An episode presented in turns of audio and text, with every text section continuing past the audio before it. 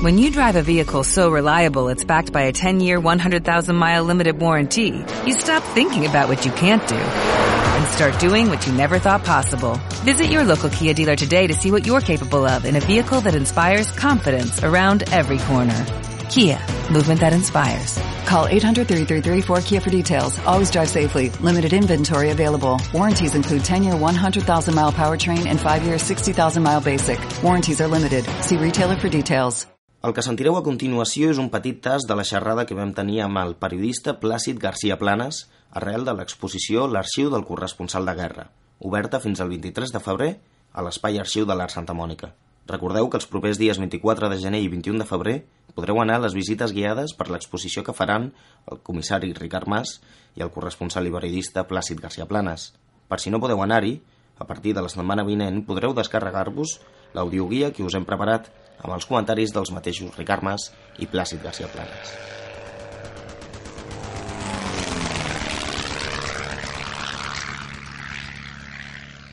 L'objecte de guerra. A poc a poc em vaig donar compte de que, de que un objecte pot ser una crònica en tres dimensions, que els objectes et parlen, si tu els saps escoltar. La paraula l'hem inventat els humans i per tant la podem amullar als nostres eh, convencionalismes o desitjos o interessos morals o polítics i en canvi la matèria és molt més, eh, es deixa violar menys. Eh, una, un, una vegada a, a l'Afganistan vaig eh, en, una, en un lloc d'atenció amb els talibans, afganès, em vaig trobar una, una bolsa d'un condó fet a usar feia poc entre uns tancs soviètics mm, eh, de feia 30 anys eh, eh, trencats.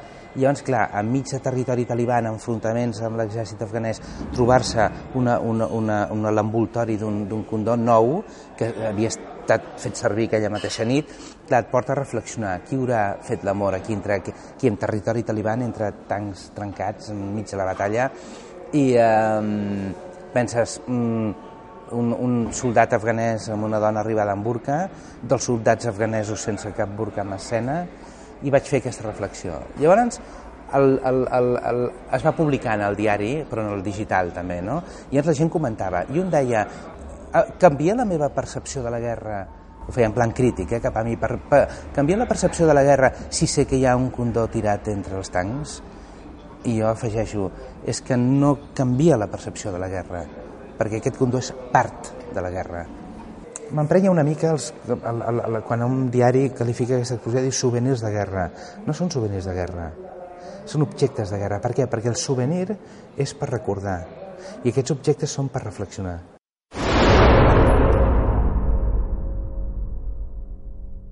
Escriure la guerra. Jo em dic Plàcid, no estic programat per la guerra.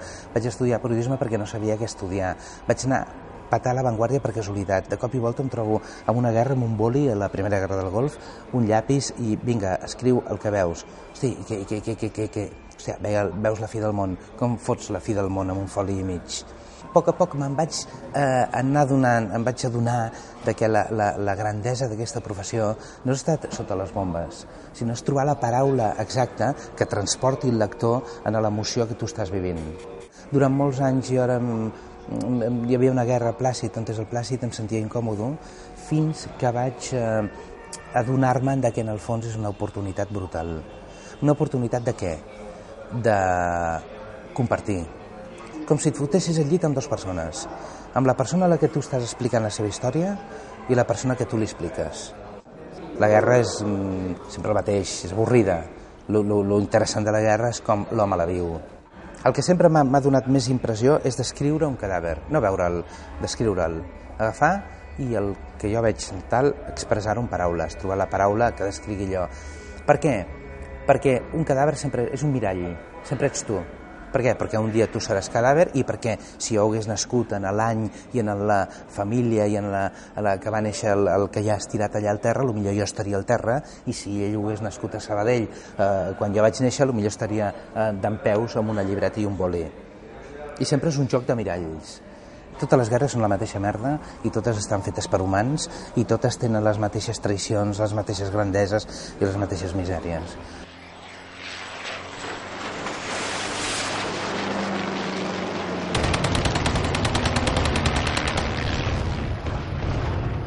Líbia. Dues històries de guerra. Líbia va ser una guerra molt curta però molt, molt brutal. Gaddafi atacava per mar, per aire i per terra. Allò era eh, brutal. Allò era com veies dos guerrillers allà sota un tubo de petroli, donaven un xiclet, te n'anaves 200 metres i al cap de mitja hora queia un míssil i dels dos guerrillers que, que estaven parlant amb tu només queden trossets de cervell.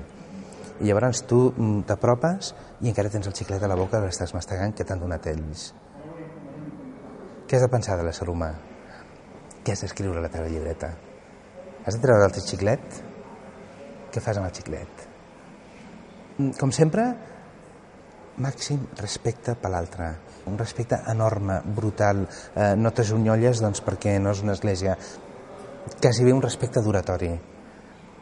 Perquè tots som tots. Perquè tu ets l'altre i l'altre ets tu. Perquè jo podia, el míssil em podia haver esclatat a mi. Estàvem en un punt d'aquesta carretera al desert i uns antiaeris que estaven al costat nostre veu un, un MiG, un Sukhoi, perdona, i, i, i, i el tomben, bum, cau. Anem corrents cap allà. La, caiguda d'un Sukhoi és una cosa, és la fi del món, és la- és l'apocalipsi. Anem cap allà. Sembla, sembla una llapada del diable en tot, no, no et pots arribar a imaginar. Llavors, els do, cossos dels dos pilots estaven la típica mort de cos que intenta saltar massa tard, decapitat. I ens anaves allà, un cos, un cos sense, sense cap. Tu estaves en la llibreta i, i el boli. I ara què poses allà? I a més l'altre encara estava pitjor, era brutal. Què poses en allà? Dic, la descripció de la, dels cadàvers, dic, no, no, no porta enlloc. Punt. Només dir que fa un moment aquells cossos tenien ànimes que ara ja no hi són. Punt. Algunes reflexions sobre el periodisme actual. L'ego és mm, mm, indissoluble amb l'ésser humà. Llavors això és una realitat que no podem negar. Tot és primera persona. Quan jo escric una notícia que diu el primer ministre britànic afirma que eh, enviarem tropes a Mali, eh, eh, eh, eh, ja és primera persona, perquè jo, com a primera persona, escullo el que diu el primer ministre britànic i no la- l'Angela Merkel. I escullo de les frases que ha dit el primer ministre britànic la que jo vull que escollir. M'entens? Llavors, què és la, la, la tercera persona del, del, del plural o del singular? És el, el jo amagat. Ara, el que passa que la prim... tot és primera persona, el que passa que la primera persona s'ha de fer servir bé. És a dir, has de ser-hi tu totalment present, però totalment transparent. Jo crec que l'objectivitat no existeix, existeix l'honestedat. O sigui, la voluntat de, de ser honest, d'explicar el que veus i tal. Jo sé que està morint un món, una manera de, de transmetre les coses, en, i encara no ha nascut el nou.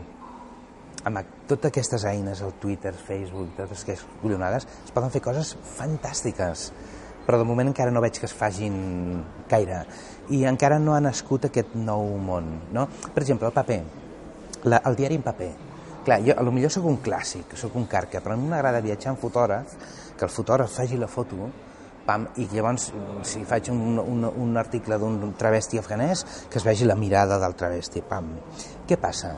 Que si tu això ho publiques en paper, tal, tens la foto al mig, el títol, i llavors tu vas llegint la història d'aquest travesti i sempre veus la mirada del travesti, perquè és una fulla i allà està tot. No perds mai de referència, sempre t'està mirant el travesti. Si tu ho poses a internet, et surt primer la foto, vas baixant, la foto se'n va, la mirada del travesti se'n va al ciberespacio i, el, i llavors et quedes sol amb el text. I llavors és la soledat, no és el periodisme amb el que jo crec. Jo quan vaig començar, això era un, més un ofici, ara és més una carrera. Abans era qui ho escrivia millor, ara és qui ho, qui ho envia abans. I, el, i al final es, mm, es perd la reflexió. Això és essencial. Ja no hi ha èpica sense Nokia. Sigui, els guerrillers, a part de matar l'enemic, l'únic que volen és gravar-ho amb el Nokia. Llavors, el, això la, la, la, va passar la, de, també en aquesta vall d'Argandap, del que tantes coses he après i tantes coses m'han passat, doncs que amb, amb, amb, amb, amb una garita, amb un petit destacament de l'exèrcit afganès, doncs hi havia una garita elevada i estàvem a dalt i llavors en el fons de tot hi havia els camps de marihuana, hi havia els americans mm, batallant amb els talibans, estomacaven allà al fons i el, i el, um, i l'obsessió del soldat aquest afganès, jo m'ho mirava així, tal, l'obsessió del soldat afganès era eh, ensenyar-me en el seu Nokia la batalla que ell havia gravat feia dos o tres mesos. Mira, mira, mira, mira, mira. Jo li deia, però què m'ensenyes? Sí, la, la, la batalla està aquí, tal, la realitat ja no importa, la realitat ja no és realitat si no la tens gravada a la Nokia, amagatzemada, transportada, per poder ensenyar. El que acabeu de sentir ha estat un petit tas de la xerrada que vam tenir amb el Plàcid García Planes arrel de l'exposició L'Arxiu del Corresponsal de Guerra, oberta fins al 23 de febrer a l'Espai Arxiu de l'Art Santa Mònica. Recordeu que les visites guiades seran el 24 de gener i el 21 de febrer. I si no podeu anar-hi, a partir de la setmana vinent podreu descarregar-vos l'audioguia que us hem preparat, amb els comentaris dels mateixos Ricard Mas i Plàcid García Planes.